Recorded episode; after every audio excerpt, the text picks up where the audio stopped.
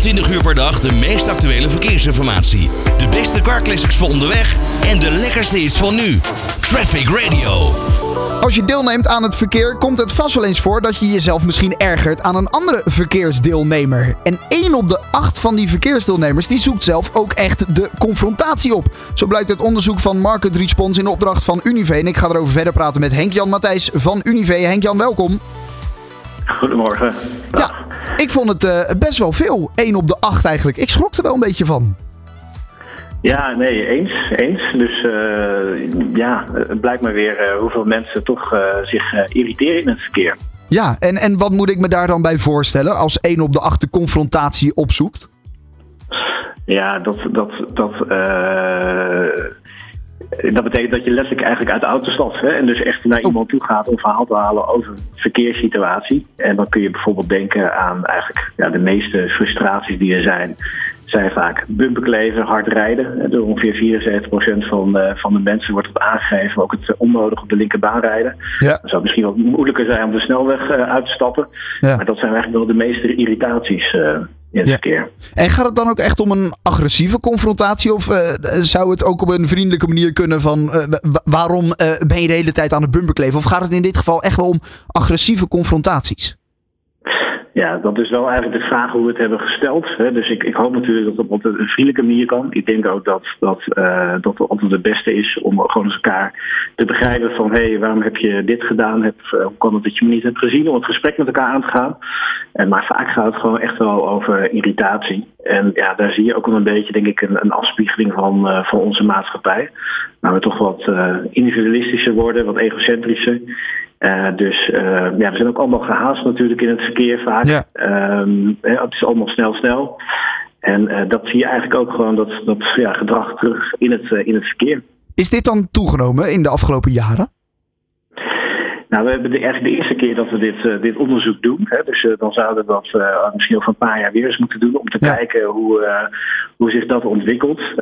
maar ik denk dat iedereen wel herkent dat het iets is van de laatste jaren. En dat dat, ja, denk ik, vroeger toch wel iets, iets anders ging.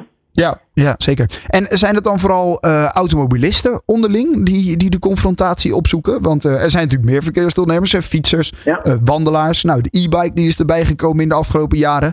dat is misschien ook wel een ergernis van een aantal automobilisten. tussen welke verkeersdeelnemers is deze confrontatie? Ja, we hebben meestal echt de, vraag uitgesteld aan, aan de automobilisten. Maar wat we wel zien, zoals je noemt, zijn nou, bijvoorbeeld mensen met de e-bike.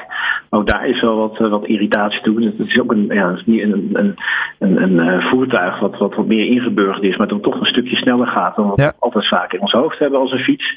Uh, maar ook appende fietsers moet je niet vergeten. Hè? Oh, ja. Ook uh, app op de fiets uh, ja, mag niet. Hè? Nee. Volgens de verkeersregels is ook gewoon afleiding in het verkeer. dus daar, en ook het wielrennen. Hè? Dus wielrennen is, is populair, is ook een mooie sport. Um, maar ook dat gaat soms heel snel. En uh, ja, daar zie je ook veel irritatie toe naar elkaar. Ja, ja, fietsers die er nog net even tussen denken te kunnen, uh, wat een schrikmoment kan veroorzaken voor de automobilist. Ja, klopt. Ja. En eigenlijk zie je dat, dat uh, met name de, de app en de fietsers en de wielrenners nogal meer irritatie uh, veroorzaken dan, uh, dan de e-bikers. Bij de e-bikers is ongeveer 29% van de mensen die dat aangeeft.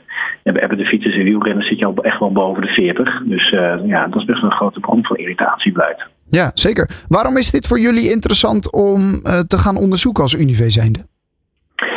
Nou, ik denk dat vooral, uh, we zijn natuurlijk een verzekeraar, maar we zijn ook een coöperatieve verzekeraar. Dus ja, we hebben altijd over het voorkomen en beperken van schade. En dat begint bij uh, gedrag hè, en een stukje inzicht. Dus eigenlijk wat we met dit onderzoek willen is ook om daar wat meer bewustwording voor te creëren. Dus uh, voordat je de auto uitstapt uh, om iemand aan te spreken, denk daar eens over na. Uh, en en uh, ook stel een open vraag. Hè? Dus wat is je benadering daarin? uiteindelijk deelnemend verkeer doen we met elkaar samen. Dat doe je niet alleen. En ehm, uiteindelijk als je gewoon iets rustig in de auto rijdt, wat minder gestrest bent, gewoon meer de tijd neemt, zorgt het ook gewoon voor minder schade. Um, dus voor ons is er ook uh, een stukje bewust, bewustwording en inzicht van ja, hoe zit het nou eigenlijk uh, met het gedrag in het verkeer. Ja, zeker. En mocht er dan zo'n situatie uh, voordoen, probeer dan even tot tien te tellen, bij jezelf te raden te gaan. Wat zou jij doen? En wat, wat is een goede manier om dit op te lossen? Zou je zelf benaderd willen worden? Ja. Dus dat is denk ik altijd de vraag die, die je zelf moet stellen voordat je, voordat je iets, iemand anders aanspreekt. Ja, ja zeker. is er dan nog iets anders wat we hier aan kunnen doen? Want ja, ik zei het aan het begin al één op de acht. Ik vind het echt schrikbarend veel. Ja, ik, ik, ik, ja, ik denk het gedrag uh, beïnvloeden van mensen of veranderen is een van de meest moeilijke dingen. Dus ik denk dat, dat een stukje bewustwording het belangrijkste is. Uh, dat proberen met dit onderzoek aandacht voor te brengen. maar ja, het zijn soms hele simpele tips. Hè? Dus als je ergens naartoe moet aan een afspraak, vertrek op tijd. En dat je ook genoeg tijd hebt. Hoef je ook niet te haasten in het verkeer. dat scheelt bijvoorbeeld al een. Het zijn soms hele simpele dingen. Leg je telefoon weg. telefoon gebruiken is, is niet voor je de auto, ook niet op de fiets is afleiding in het verkeer ook een van de meeste oorzaken van, uh, van, van ja, ongeluk in het verkeer. Uh, dus het zijn soms hele simpele dingen die we, uh, ja, die we heel makkelijk allemaal ja, kunnen veranderen. Ja, en dan het aloude gezegde even tot tien tellen. Precies, dat is het. Daarom, oké. Okay. Henk-Jan Matthijs van Unive, dank voor je tijd vandaag en een fijne dag nog. Dankjewel, graag gedaan. Always on the road. Traffic Radio.